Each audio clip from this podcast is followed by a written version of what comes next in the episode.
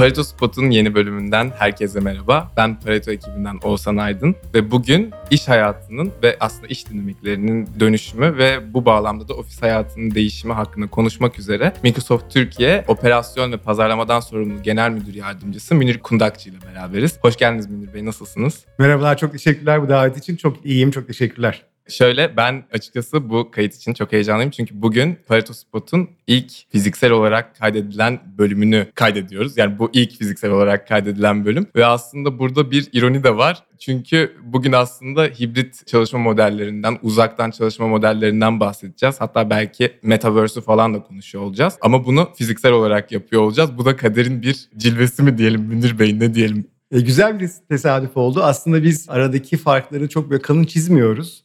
Her türlü modeli bir yer var ve dolayısıyla bu da onlardan bir tanesi. Yüz yüze konuşabilmek, bazı şeyleri aynı fiziksel ortamda yapabilmek onun da gerekli olduğu durumlar var. O yüzden özellikle de ses kalitesi gibi konuları da düşünecek olursak bence doğru seçim yapmış durumdayız. Evet evet yok zaten işin şakası bu. Sizi de burada Galata'da ağırlamaktan oldukça memnuniyet duyuyoruz. Hoş geldiniz tekrardan. Ben çok uzatmadan konuya gireyim diye düşünüyorum. Bildiğiniz gibi pandemiyle beraber aslında biz bunu çok ciddi bir oranda yaşamaya başladık. Teknoloji şirketleri veya bazı şirketler küçük ölçeklerde aslında bu uzaktan çalışma veya daha esnek çalışma modellerini kendi bünyelerinde deniyorlardı. Ama pandemiyle beraber bu büyük ölçeklere ulaştı. Şimdi burada bir dönüşümden söz etmek mümkün diye düşünüyorum. Ben sizin görüşünüzü bu konuda merak ediyorum. Sizce ofisin görevi ve tanımı geri dönülemez bir şekilde mi dönüşüme uğruyor? Veya iş hayatının veya çalışma dinamiklerinin yapısı geri dönülemez bir şekilde mi dönüşüme uğruyor? Evet, bence öyle. Şöyle biraz açıklamak için birkaç tane kavramı belki netleştirmek lazım. İş yeri diyoruz ya, işin yapıldığı yer anlamına geliyor ama aslında işin yapıldığı yerin sabit olması artık gerekmiyor. En büyük değişiklik oradan başladı. Fakat biz bunu yıllardır bildiğimiz halde hayata geçirmekte zorlandık.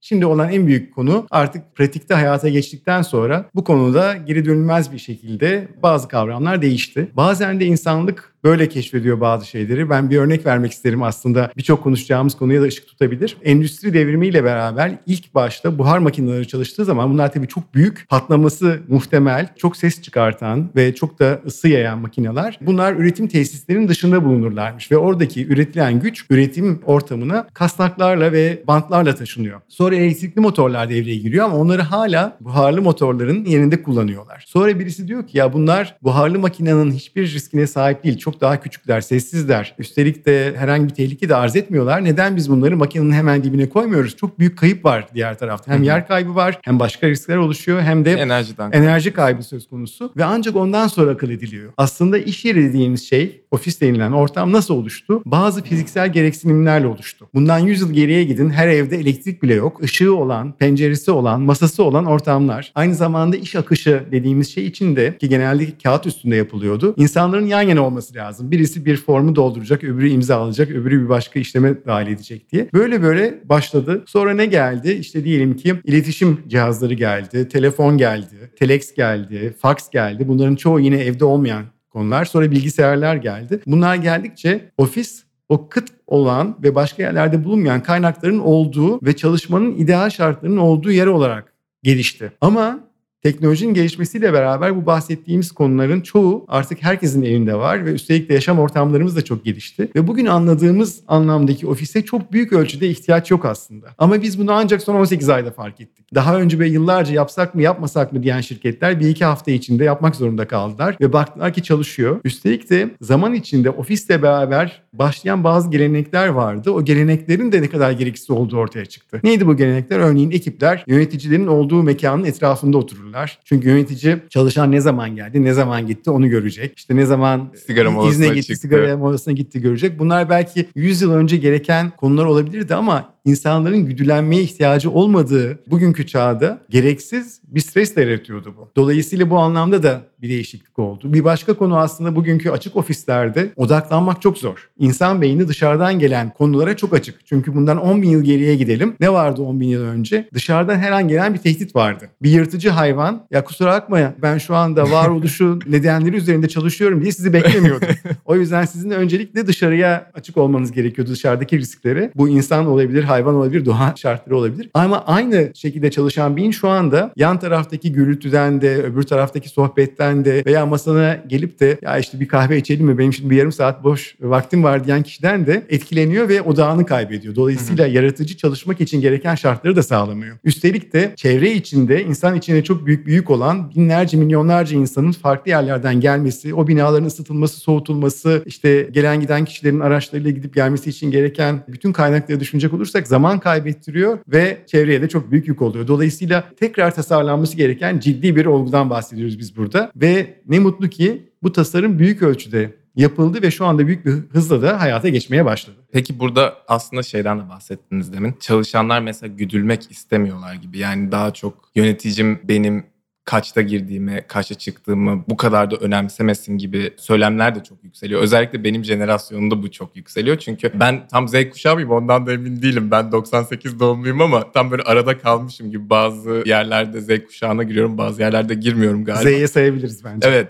İşte orada mesela bizde şöyle bir algı var hani benim yaptığım iş galiba daha önemli bir gösterge kaçta gelip kaçta gittiğimdense bunun dışında yani yeni neslin de istihdama katılması veya iş hayatından beklentilerinin de değiştiğini söyleyebilir miyiz? Ve bu bağlamda ofislerin yeniden tasarlanması gerektiğini söyleyebilir miyiz o zaman? Kesinlikle söyleyebiliriz. Aslında ofislerin değil ama iş anlayışının tekrar tasarlanması Hı-hı. lazım. Ve yöneticiyle çalışan ilişkisi, çalışanla şirket ilişkisinin tekrar tasarlanması lazım. Çünkü iş veya şirket sadece maaş veren ve karşılığında zamanı alan bir olgu değil. Şu andaki anlayışta insan insanlar çalıştıkları yerde bir anlam birliği istiyorlar. Ne için çalışıyorum sorusu, niye çalışıyorum sorusu, nasıl ve ne kadar çalışıyorum kadar önemli hale geldi. Çalıştığı işte anlam bulanlar çok daha zevkle, çok daha motive olarak çalışıyor, daha üretken çalışıyor. Aynı zamanda daha uzun çalışsa da mutluluğunu kaybetmiyor. Halbuki tersi olan ortamlarda güvenin eksik olduğu, anlam birliğinin eksik olduğu ortamlarda çok olumsuz bazı yansımaları da söz konusu oluyor. Burada şunu söylemek lazım. Aslında çok güzel bir konuya da değindin Oğuzhan. Yani Z kuşağı gibi daha önceki kuşaklar da özellik istiyordu, yaratıcılık istiyordu, güven istiyordu. Z kuşağının farklı yaptığı bunun olmadığı ortamlarda tepkiyi göstermek. Hı hı. Ve bayrağı kaldırıp ben bu ortamda olmak istemiyorum. Hayat bunun için çok kısa ve çok değerli diyebilmek. O yüzden çok cesur bir kuşak aslında. Daha anarşist. Yok bence söylediğini, düşündüğünü ifade edebilen bir kuşak. Belki bizim kuşaklar biraz daha farklı endişeler sebebiyle hoşuna gitmese de o ortamı kabul ediyordu. Dolayısıyla sizin açtığınız bu yol bence çok değerli bir yol. Dolayısıyla şuraya getireyim ben bunun ölçümledik de biz. Dünya çapında bir araştırma yaptık. Aynı araştırmayı Türkiye'de de yaptık. Bu işin yeniden tanımlanması diyebiliriz Türkçesinde araştırmanın. Orada şunlar ortaya çıktı. Her kuşaktan insanlar için aynı şey geçerli. Motivasyonla şirketin yenilikçiliği arasında ciddi bir e, korelasyon var. Ve yenilikçilikten kasıt sadece yeni teknolojiler üreten şirketler değil. Yenilikçilikten kasıt modern bir, çağdaş bir yönetim anlayışına sahip olan şirketler. Ve burada oranlar değişiyor ama çok temelde bire ikilik bir fayda var. Yani yenilikçi olmayanların bir olduğu yerde yenilikçi olanlar iki birim etkili gözüküyor. Ve neler etkiliyor bunu? Birkaç şey. Bir, çalışma şartlarıma ben karar verebileyim sorusunun cevabı. Yani ben istediğim saatte, istediğim sıklıkta çalışayım. Ki bu da aslında insani bir gereksinim. Yine bu 10 bin yıl geriden geliyor. Bazı insanlar erken kalkıp erken çalışmayı seviyorlar. Bazıları geç kalkıp geç çalışmayı seviyorlar. Bizim biraz artık köhne kalmış ofis anlayışımız çalışma saatleri var. Hangi tipe girerseniz girin o saatte başlıyorsunuz. Birisi için artık günün ortası öbürü için daha uyanmaması gereken bir saat. aynı saate başlayıp aynı saatte bitirmeyi gerektiriyor. Dolayısıyla doğal ritmimize aykırı bir çalışma ortamı yerine diyoruz ki herkes kendisinin verimli olacağı zamanda çalışsın. Aynı zamanda çocuğum var okula göndermem lazım. Bakmam gereken, ilgilenmem gereken birisi var. O yüzden öğlen saatlerinde çalışamayacağım ama ben buna karşılık daha geç saatte odaklanabiliyorum da deyip gece arası çalışmak istiyorum diyen kişilere de Müsaade ortam verilmesi lazım. gerekiyor. Aynı zamanda geri bildirim çok önemli. Bu ne demek? İyi yapıyorsun da duymak istiyor insanlar. Bunu daha iyi yapabilirsin de duymak istiyorlar. Fakat bunu yaparken de genişçe bir hareket alanı serbestisi istiyorlar. Dolayısıyla ben yapmam gereken şeyi bildiğim gibi yapayım. En iyisini ortaya koyayım ve bunun için bana sonuçlarla ilgili hedefler verilsin ama nasıl yapacağım bana söylenmesini istiyor. Birisi A'dan B'ye belki deniz kenarından yavaş yavaş gitmek istiyor. Öbürü en hızlı yoldan gitmek istiyor. Bırakın nasıl gideceğimize kendimiz karar verelim diyorlar. Bir başka söylenen şey de şirketin yaptığıyla kendi yaptığım arasındaki ilişkiyi ben bileyim. Şirket nereye doğru gitmek istiyor ve benim yaptığım bu şirketin gitmek istediği yere ne kadar katkıda bulunuyor onu bileyim istiyorlar. Misyonlarımız işte bunların mi? olduğu ortamlar modern iş ortamları. Yoksa işin uzaktan çalışma kısmı çok küçük bir alt kümesi. Hı hı. Ama bütün bunların olmasında da teknolojinin çok ciddi bir katkısı var. Çünkü bunların bir kısmı fiziksel limitlerin içinde yapılması zorken fiziksel limitlerin olmadığı sanal ortamda çok daha rahat yapılır hale gelebiliyor. E şöyle evet aslında bu teknolojiyle beraber veya bizim bu ölçekte bu dönüşümü yaşamamızla beraber dediğiniz gibi daha esnek şekilde çalışabiliyoruz ve daha belki de verimli olabiliyoruz ve sanırım çalışmalar zaten bunu gösteriyor. Verimli olduğunu, daha verimli olduğunu gösteriyor bu modellerin. Ama buna ek olarak da ben yine şuraya da değinmek istiyorum veya size yönelttiğim soruyu bu dönüşümde uzaktan çalışma veya hibrit çalışma veya direkt fiziksel çalışmayı falan karşılaştırdığımızda paydaşlar genel olarak bu konuyla ilgili ne düşünüyor? Paydaşlardan kastım şu şekilde segmente edebiliriz belki. Çalışanlar orta düzey yöneticiler ve üst düzey yöneticiler bu konuda ne düşünüyor? Çok güzel bir konu. Şimdi bu konuda da biz bir araştırma yaptık. Birkaç şey gördük. Birincisi hemen hemen herkes hibrit dediğimiz bir düzene geçileceğimizi söylüyor. Ben burada hibrit kelimesinde bir eksiklik görüyorum. Bu sadece çalışma saatleri ve çalışma mekanını tanımlarken aslında çalışma biçimiyle ilgili çok fazla bir şey söylememekle beraber o kelimenin bu boyutunun da olduğunu varsayalım diye düşünüyorum. Herkes böyle bir hibrit çalışma ortamının geçerli olacağını söylüyor. Türkiye'de Avrupa'daki örneklerden farklı olarak biraz daha fazla evden ve uzaktan diyelim çalışmayı tercih ediyor kişiler. Arası yok mu? %42 civarı. Başka ülkelerde %34. Yani diyor ki ben zamanımın %42'sini 5 gün diye düşünecek olursak haftayı 2 gününü uzaktan geçirmek istiyorum. Diğer 3 gün ofise gelebilirim diyor. Bunun yanında Biraz önce bahsettiğim birkaç tane boyut çok ön plana çıkıyor. Kaç gün ofiste olacağım, kaç gün dışarıda olacağım kadar önemli olan benim yaptığım adım adım takip mi edilecek yoksa bana serbestte bırakılacak mı? Çalışma saatlerim ofisten de olsa evden de olsa biraz daha bana bırakılabilecek mi? Bazı şeyleri kendi istediğim zaman yapabilecek miyim? Ki ben kendimden örnek vereyim bu konuda. Bizde çok sık yeni ürün tanıtımları, eğitimler oluyor. Ben bunları şöyle dinlemeyi tercih ediyorum. Bunların kayıtları yapılıyor. Ben bu kayıtları alıyorum. Biraz daha hızlı olarak dinliyorum. Bir buçuk veya iki kat hızla dinliyorum ve yürürken dinliyorum. Dolayısıyla bir bir hareket gelmiş oluyor. Evet. O anlamdaki amaca da hizmet etmiş oluyor. Aynı zamanda yürürken dikkatimi çok daha rahatlıkla anlatılana verebiliyorum ve ben böyle öğrenmeyi tercih ediyorum. Bir başkası farklı bir şeyi tercih edebilir. Bütün bunlara açık olmak gerekiyor. Bir de soruya dönecek olursak kimler ne bekliyor tarafında. Aslında üst yönetim şunu istiyor. Sonuçların alınmasını istiyor. Ara yönetimden de bu sonuçların alınması için kendi ekibini yani ara yönetimin ekibini motive etmesini istiyor. Ara yönetim biraz zorlanıyor burada. Çünkü alışa geldiği, bundan önceki dönemlerde gördüğü o kontrol ağırlıklı ve zamanın adeta bir fabrikadaki işte bazı adımların ölçümlenmesi gibi ölçümlendiği ortamlardan kişiye daha fazla serbesti bırakması gereken, daha çok güvenmesi gereken ve farklı yaklaşımlara açık olması, kucak açması gereken bir ortama geçişte zorlanıyor. Üst yönetimden de bu konularda destek bekliyor. Çalışan ne bekliyor? Biraz önce aslında özetledim. Bu 4-5 tane Hı hı. başlık vardı. Ben şirketin amacına ne kadar hizmet ediyorum? Geri bildirim alıp verebiliyor muyum? Kendi fikirlerim dikkate alınıyor mu? Yapış tarzım konusunda serbest miyim? Kendim olarak işe gelebiliyor muyum? Neyi kastediyor kendim olarak? İşte istediğim kıyafeti giyerek, kendimi ifade edecek şekilde. Örneğin uzaktan çalışmanın çok büyük bir avantajı. İşte kedisi köpeği olanlar onlarla iç içe olabiliyorlar. Evet. Çocuklarıyla ilgilenebiliyorlar. Bakmaktan yükümlü olduğu kişilere zaman ayırabiliyorlar. Belki şunu da unutmamak lazım. Bu yeni ortam hareket özgürlüğü olmayan kişilerin de iş yerine ve iş ortamına katılmasına izin veriyor. Bu aslında dediğiniz çok önemli. Yani şey olarak biz bunu çok göz ardı ediyoruz belki de ama hani bu açıdan imkan sağlıyor olması çok değerli.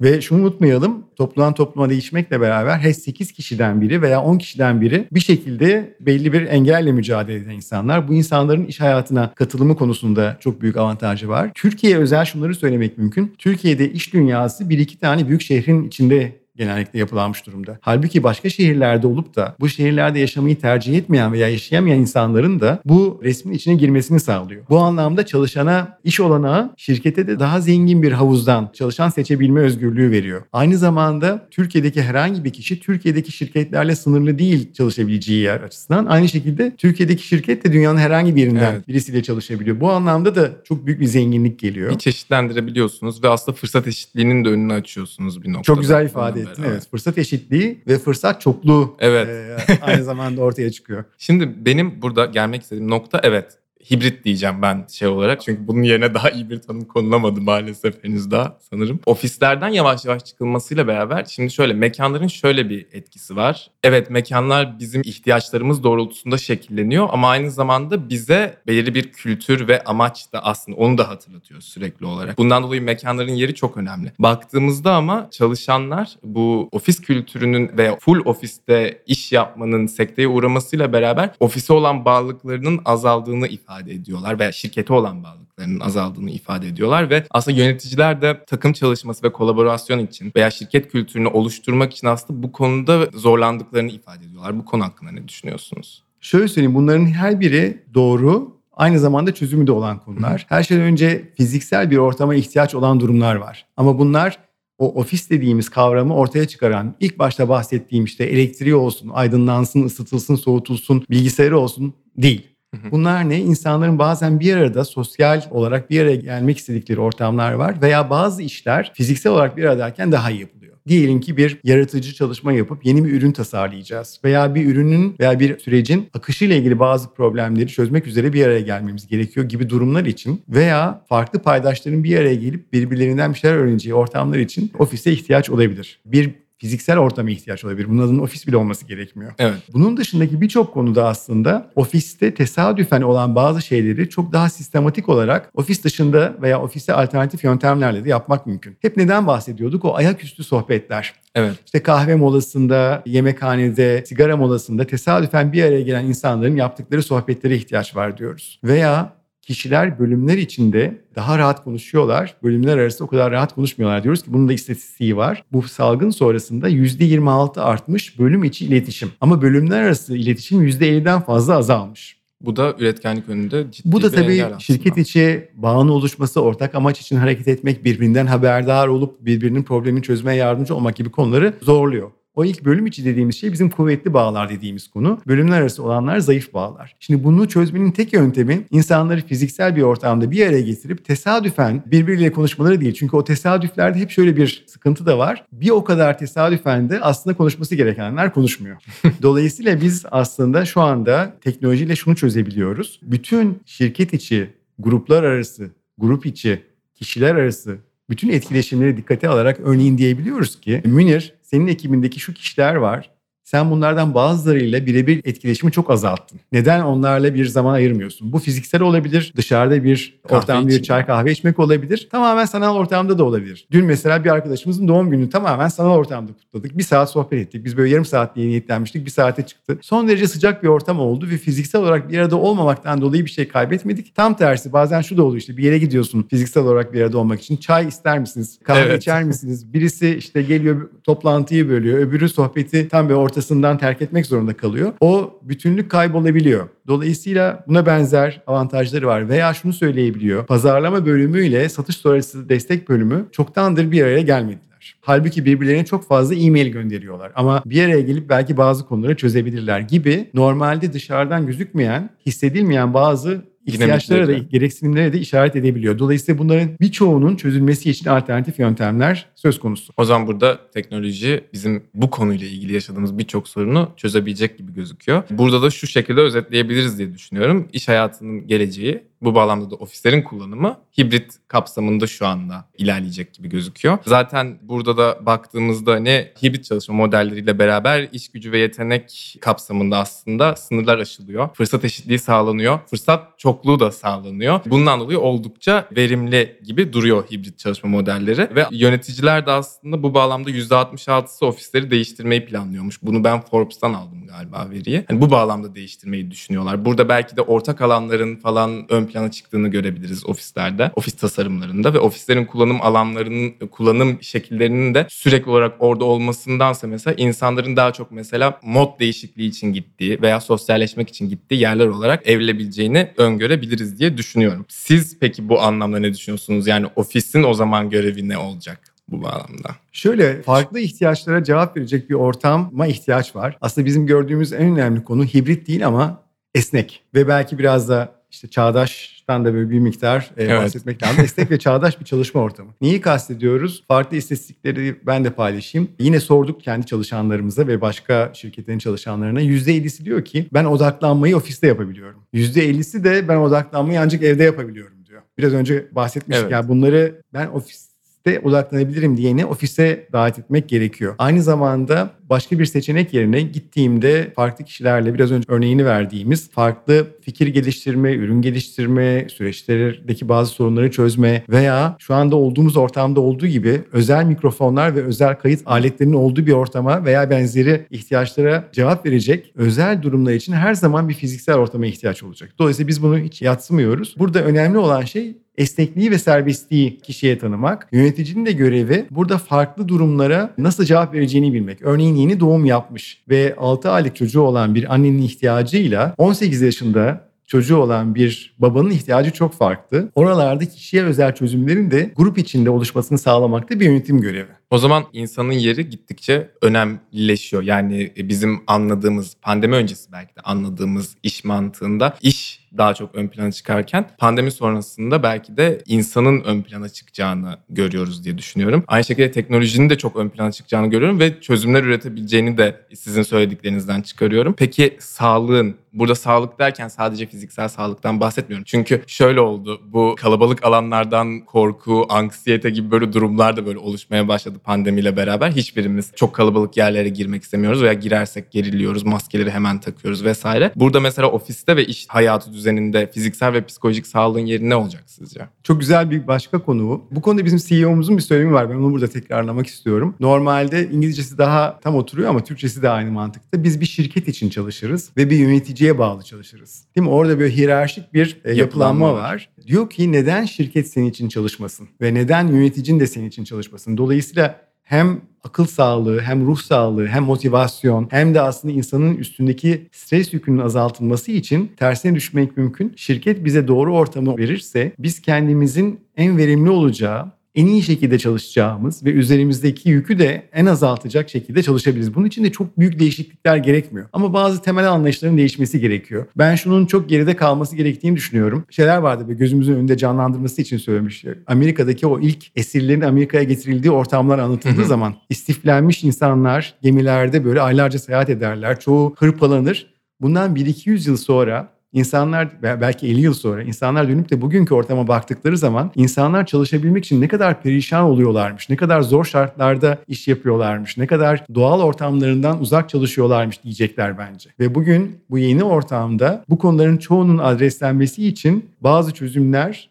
ya var veya çok kısa zamanda olacak. Ama şunu söylemek istiyorum. Bu çözümlerin çok büyük bir kısmı teknolojik olmakla beraber bir o kadar önemli olan yöneticilerin yaklaşımı ve şirketin bu konuda oluşturmaya çalışacağı kültür. Bu iki boyut olmadan teknoloji hiçbir şeye çözüm değil. Teknoloji her zaman iyinin de kötünün de çözümünü sağlayabilir. Sonuçta çünkü. teknoloji bir araç. Yani ne alanda kullanmak istediğinizle alakalı bu. Sosyal medyada yine aynı şekilde veya finans araçları da aynı şekilde. Nasıl kullanmak istiyorsanız o şekilde şekilleniyor diyebiliriz. Burada şunu da eklemek istiyorum. Siz 50 yıl falan dediniz de inşallah biz 2-3 sene içinde bakıp böyle aa insanlar da nasıl çalışıyormuş ya falan deriz ve iş dünyası gerçekten insanı merkeze alacak ve daha sürdürülebilir yapıları merkeze alacak şekilde evrilir diye temennimi de buradan sunmak istiyorum. Şimdi şöyle aslında şeylerden konuştuk. Burada teknolojinin bize sağlayabileceği faydalardan bahsettik ve aslında ofisin gerekliliğinden bahsettik ve burada da aslında ofisteki sağlık ve ofis ve iş hayattaki sağlık endişelerinden ve bununla ilgili neler düşünülmeli, neler yapılmalı gibi şeyleri konuştuk. Ama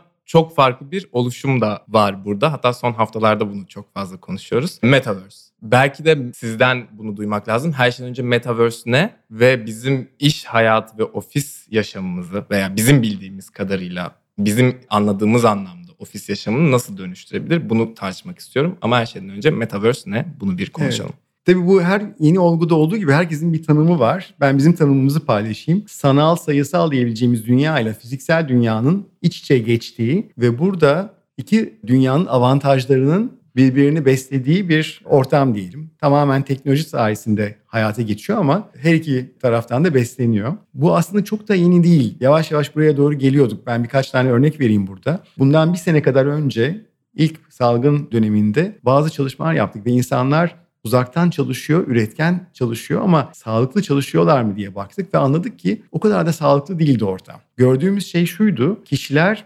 ayrı kutuların içinde kendini hapsedilmiş hissediyorlardı. Bildiğimiz o sanal matrisler içinde. Bunun üzerine mesela Together, birlikte modunu çıkardık Teams içinde. O neyi yapıyordu? Birbirinden farklı yerlerdeki insanları aynı ortamda sanal olarak bir araya getiriyordu. Sadece fiziksel olarak bir ya da sanal olarak bir araya getirmiyordu. Aynı zamanda birisi konuştuğu zaman herkes ona bakıyordu. Hareketler tekrarlanıyordu ve dolayısıyla doğala daha uygun bir ortam vardı ve bu da insanları rahatlatıyordu. Bunun dışında Mesh diye bir teknoloji geliştirdik. O teknoloji de şunu yapıyor. Farklı fiziksel ortamlardaki kişileri fiziksel bazı objelerle bir araya getiriyor. Örnek verelim bir otomobilin tasarımı için Türkiye'den, Japonya'dan, Almanya'dan 3 kişinin bir araya gelmesi gerekiyorsa onların fiziksel olarak bir araya gelmesi gerekmiyordu ama otomobilin etrafında avatarları yer alabiliyordu ve konuşabiliyorlar. Farklı dillerde konuşurken birbirinin diline çeviri yapılabiliyor. Fiziksel olarak modellenmiş olan o aracın içinde istedikleri çalışmayı yapabiliyorlar. O diyelim ki aracın farklı katmanlardaki tasarımlarına ulaşabiliyorlar veya işte bu hangi metalden yapılmıştı gibi bazı sorulara cevap verebiliyorlar. Dolayısıyla normalde fiziksel ortamda hiç göremeyeceğiniz kadar çok bilgiyi üstelik de yerinizden kalkmadan ama beraber düşünmenin, beraber çalışmanın avantajlarıyla birleştirebiliyordu. Dolayısıyla o ortamda insanlar gerçek, motor gerçek ama bunları bir araya getiren ortam sanal. İşte biz bu birlikteliği kastediyoruz. Bugün bu hafta daha doğrusu şunu çıkardık. Dedik ki bu fiziksel toplantılarla uzaktan toplantıların avantajlarını bir araya getirelim. Örneğin siz çoğunun fiziksel olarak toplantı odasında olduğu bir toplantıya avatarınızla katılın. Bunun arkasındaki ihtiyaç ne? İnsanlar sürekli kamera açık olmasından da çok rahatsızlar. Zorlanıyorlar ve kendini sürekli mercek altında hissediyorlar. Evet. Ama avatarınızla katılıyorsunuz. Mimikleriniz tekrarlanıyor. Kol hareketleriniz, jestleriniz tekrarlanıyor. İnsanlar sizin orada bir koltukta oturduğunuzu fark ederek sizi unutmadan toplantıyı yapıyorlar ama siz orada değilsiniz. Veya tersi uzaktan katılıyorsunuz bir toplantı odasında onlarca insan var. Herkesi tanımayabilirsiniz. O insanlar birbirinden ayrıştırılıyor ve deniyor ki Burada Mehtap Hanım var. İşte üretimden sorumlu. Öbür tarafta Ahmet Bey var. Pazarlamadan sorumlu. Bu tarafta Oya Hanım var. İletişimden sorumlu. Tanımadığınız kişilerin ne yaptıklarını, kimin neyi söylediğini bilebiliyorsunuz. Bütün bu ortam izinler alınarak kayıt altına alınıyor ve dolayısıyla hastalandığınız için veya başka bir sebeple katılamadığınız toplantıda ne olup bittiğini biliyorsunuz. Uzak kalmış olmuyorsunuz, kopmuş olmuyorsunuz. İşte bütün bunları olanaklı hale getiren, bu iki dünyayı birleştiren ortam bizim için Metaverse. Şimdi şurada şöyle endişeler var. Ben biraz daha endişelerden bahsedeceğim ki siz de buna cevap verin. Bizim de içimiz rahatlasın. Nereye evriliyoruz onu bir anlayalım diye. Şimdi Metaverse evet baktığımızda veya böyle bunun paralelindeki teknolojik gelişmeler aslında coğrafi sınırları ortadan kaldırıyor. Hatta yaşam boyu öğrenmenin de önünü açıyor bir noktada. Çünkü hani siz belki de çok rahat bir şekilde dünyanın öbür ucundaki bir insandan bir şey öğrenebiliyorsunuz ve bunu pratikte de yaparak öğrenebiliyorsunuz. Bunun için kalkıp mesela önceden bir seminer için Amerika'ya uçmanız gerekiyorsa veya başka bir yere gitmeniz gerekiyorsa veya başka bir malzemeye ihtiyacınız varsa bunu tedarik etmek zorundayız ama bunlar şu anda yavaş yavaş bu sınırlar ortadan kalkıyor. Bu çok güzel ama Metaverse bir noktada internet gibi bir şey. Yani veya sürekli olarak online olan, 7-24 online olan ve sürekli devam eden bir sistem. Burada pandemiyle beraber biz şunu gördük. Ben arkadaşlarımdan da gördüm. Araştırmalar da bunu gösteriyor. İnsanlar çalışma saatleri esnedi tamam ama çok çok daha fazla çalışmaya da başladılar ilk başta özellikle. Çünkü evdesiniz yapmaya bir şeyiniz yok. O zaman sürekli online olmak zorundasınız. Hatta bir noktada böyle temel ihtiyaçlarınızı karşılarken bile böyle bir anksiyeteye giriyordunuz. Aa, bana mesaj gelecek şimdi ben cevap veremeyeceğim. O zaman benim yöneticim ne düşünecek falan gibi böyle insanların kaygıları oluşmaya başlamıştı. Metaverse de aslında buna benzeyen bir yapıya sahip. Ben sadece burada şunu sormak istiyorum. Bunu da sormamın nedeni dediğim gibi bunu tartışalım ki buna ne neden oluyor ve nasıl bundan kaçınabiliriz. Bunu da parantez olarak düşeyim. Sürekli olarak online olma kültürünü iyice körükleyebilir mi Metaverse? iş kapsamında. Şimdi şunu söyleyeyim. Her şeyden önce bu kaygının gündemde olması çok sağlıklı bir şey. Çünkü her zaman için teknolojinin de birçok başka araç gibi olumlu kullanımı da olumsuz kullanımı da söz konusu. İşte bizi bir yerden bir yere çok hızlı getiren taşıt araçlarımız aynı zamanda çok büyük kazaların olmasına da sebep evet. olabiliyor. Biz kazaların olmasını sağlayan faktörleri düşünmezsek onların önüne geçemeyiz. Teknoloji için de bu aynı şekilde geçerli. Kaygı çok doğru. Burada en azından 3 katmanda yapılması gerekenler var. Bir, bireyler ve yöneticiler olarak yapılması gerekenler var. İki, kurumlar olarak yapılması gerekenler var ki bu kurumları hem teknolojiyi kullanan hem de teknolojiyi üreten kurumlar olarak söylüyoruz. Bir de düzenleyici kurumların, yasaların yapması gerekenler var. Şimdi birinciden başlayalım. Biz kişilerin önüne bazı araştırma sonuçlarını getiriyoruz. Örnek vereyim ben. Biz bu yeni hibrit ortamda, yeni çalışma düzeninde insanlar nasıl hissediyor diye baktığımızda yöneticiler %61 oranında mutlu. Ben daha verimli oldum, daha üretken oldum, kendime daha çok zaman ayırabiliyorum, gereksiz seyahatler yapmıyorum derken örneğin çalışan anneler %44 oranında mutlu sadece. Çünkü ilgilenmek zorunda kaldıkları ekstra iş yükleri oldu. Ama işin ilginci ben en çok onlar zorlanırlar diye düşünürken yeni nesil %36 oranında mutlu olduğunu söylüyor. Çünkü o aradığı sosyal bağların kopması söz konusu Evet. olmuş. Bunların içinde de en mutsuz olanlar yalnız yaşayanlar. Dolayısıyla bunu bilerek ve biraz önceki bahsettiğin tehdidin olumsuz yönlerini farkında olarak yöneticilerin bulundukları ortamı düzenlemeleri lazım. Örnek vereyim. Şu anda teknoloji bana şunu söyleyebiliyor. Filanca kişi akşam saatlerinde çok sayıda mesaj gönderiyor. Her toplantıya katılmaya çalışıyor ve hafta sonları da çalışıyor. Şimdi benim bunu aman ne kadar güzel çok çalışıyor şeklinde değil. O kişinin sağlıklı e, çalışması ve uzun vadedeki motivasyonun da verimliliği için de bir tehdit bu deyip kendisini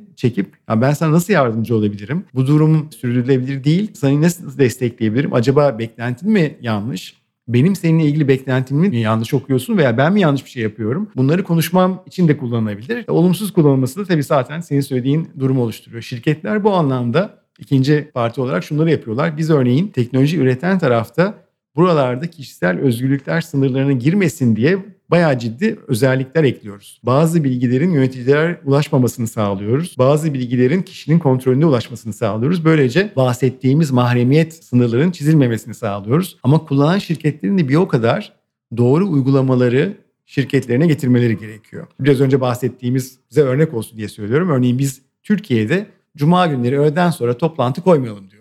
Kişiler ne isterlerse yapsınlar. Eğitim alsın, bitiremediği işleri tamamlasın, hafta sonuna girerken kafasını rahatlatsın. Ama toplantı koymayalım diyoruz. Tabii ki istisnalar her zaman oluyor ama veya öğle saatlerinde toplantı koymayalım diyoruz ki insanlar yemeklerini yesinler, biraz kafalarını boşaltsınlar. Toplantı süresini 25 dakikaya indirdik yarım saat yerine. Bir saat yerine 50 dakika yaptık ki aradaki boşluklarda biraz nefes alacak zamanlar olsun. Buna yönelik uygulamaları getirip hayata geçirdikçe faydalı olduğunu görüyoruz. Mesela şunlara bakıyoruz. Toplantılarda farklı işler yapılıyorsa diyoruz ki acaba bu toplantı gerçekten gerekli miydi? Acaba herkesin çağrılması gerekli miydi? Çünkü bazıları dinlemek yerine başka e-mailler göndermiş.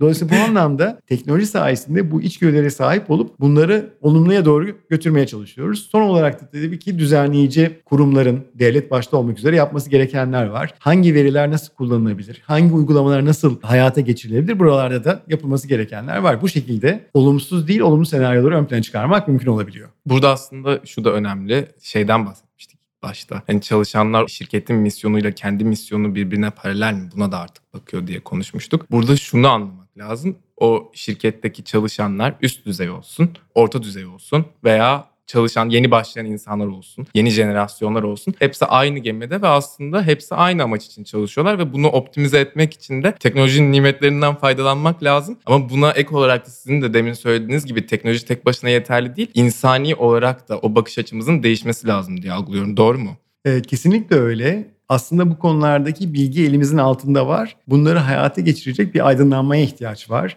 Biz bu son iki senedir paylaştığımız bu çalışmalarla hep bu konuların altını çizmeye çalışıyoruz. Tabii ki bu konuda başka kurumların da çıkardıkları çok çalışma var. Dolayısıyla bir yöneticinin neye bakması gerektiği, ekibini nasıl daha motive edeceği, ekibinin hem kısa vadeli hem de uzun vadeli başarısı için ne yapması gerektiği konusu hem yeniden tanımlandı ama büyük ölçüde de biliniyordu. Bu son 18 ay bize sadece şunu gösterdi. Bu konular düşündüğümüzden çok daha önemli ve herkesin artık elinde ölçülebilir veriler var. Bu ölçülebilir verilerle doğru yönde gitmek için de çok daha kuvvetli sebeplerimiz var. Böyle araştırmaların olması güzel. İnsanların da böyle bu konuda inisiyatif alıyor olması da güzel ve bunun tartışılıyor olması da aslında güzel. Çünkü ben bizim jenerasyonumuzda bu da çok jenerasyon muhabbeti yapmışım gibi oluyor ama hani bizim benim en azından yaş grubum bununla ilgili ciddi bir kaygı içindeydi. Yani biz gerçekten bizim kanımızı mı emecekler? Ne olacak böyle biz ofislere gideceğiz 9-5 böyle çalışmaya devam mı edeceğiz falan diye. Böyle çalışmaların olması dediğim gibi güzel gerçekten. O zaman şöyle diyebiliriz. Şu anda gelecek esnek çalışma modelleriyle şekillenecek gibi duruyor. Buna ek olarak da teknoloji zaten bunu körüklüyor ve daha doğrusu güçlendiriyor diyelim, ivmelendiriyor. Ve bu bağlamda da işte Metaverse gibi oluşumlar da hem sınırları ortadan kaldırıyor hem de daha verimli bir iş dünyasına, çalışma dinamiklerine ortam hazırlıyor diyebiliriz diye düşünüyorum. Ve bu bağlamda da gelecek aslında umut vaat ediyor. Ama biz nasıl değerlendirmek istersek o şekilde evrilecek gibi de duruyor. Sizin eklemek istediğiniz başka bir şey var mı? Ya çok güzel bir şekilde bağlamış oldun. Gerçekten de yeni nesil biraz önce de konuştuk ama davranışlarıyla bazı şeylerin hızlanmasına yardımcı oluyor. Bugün Amerika'da şirketler çalışacak kişi bulamıyorlar. Çünkü oluşturdukları çalışma ortamı toksik diye biliniyor. Motivasyonu sağlamıyor, saygı yok ve dolayısıyla çalışmayarak bir nesil o şirketlerin kendini düzeltmesi için bir son şans tanıyor belki. Buna karşılık doğru ücreti veren, doğru ortamı sağlayan, doğru anlayışı getiren ve doğru amaca hizmet eden şirketler de çok daha fazla hem kendi çevrelerinden hem de başka coğrafyalardan çalışan bulabiliyorlar. Dolayısıyla aslında davranışlarımız ve seçimlerimiz de doğruyu teşvik ediyoruz ve yanlışı cezalandırıyoruz ve burada da yeni neslin çok büyük bir etkisi var. Ben bunun çok hızlı bir dönüşme sebep olacağına inanıyorum. Belki şöyle bitirmek mümkün. Evet fiziksel ortamın şart olmadığı gerçeğiyle yüz yüze geldik. Ondan sonra anladık ki bizi bir şekilde kıstırmış birçok faktör Zincir varmış. Çalışma mekanı tek faktör değilmiş. Çalışma anlayışı, çalışma kültürü, çalışma yöneticilik yaklaşımı gibi birçok bizi kısıtlayan konu da varmış. Bunlar gevşedikçe çok daha özgür, çok daha üretken ve çok daha mutlu çalışacağımıza inanıyorum ben. Umarım o şekilde gelişir her şey diyorum. Ve katıldığınız için çok teşekkür ediyorum Münir Bey. Ben çok teşekkür ederim. Çok zevkli bir sohbet oldu. Sorular ve yorumlarını çok güzel yönlendirdin. Çok teşekkürler. Haftaya aynı gün aynı saatte Pareto Spot'un yeni bölümünde görüşmek üzere. Kendinize iyi bakın.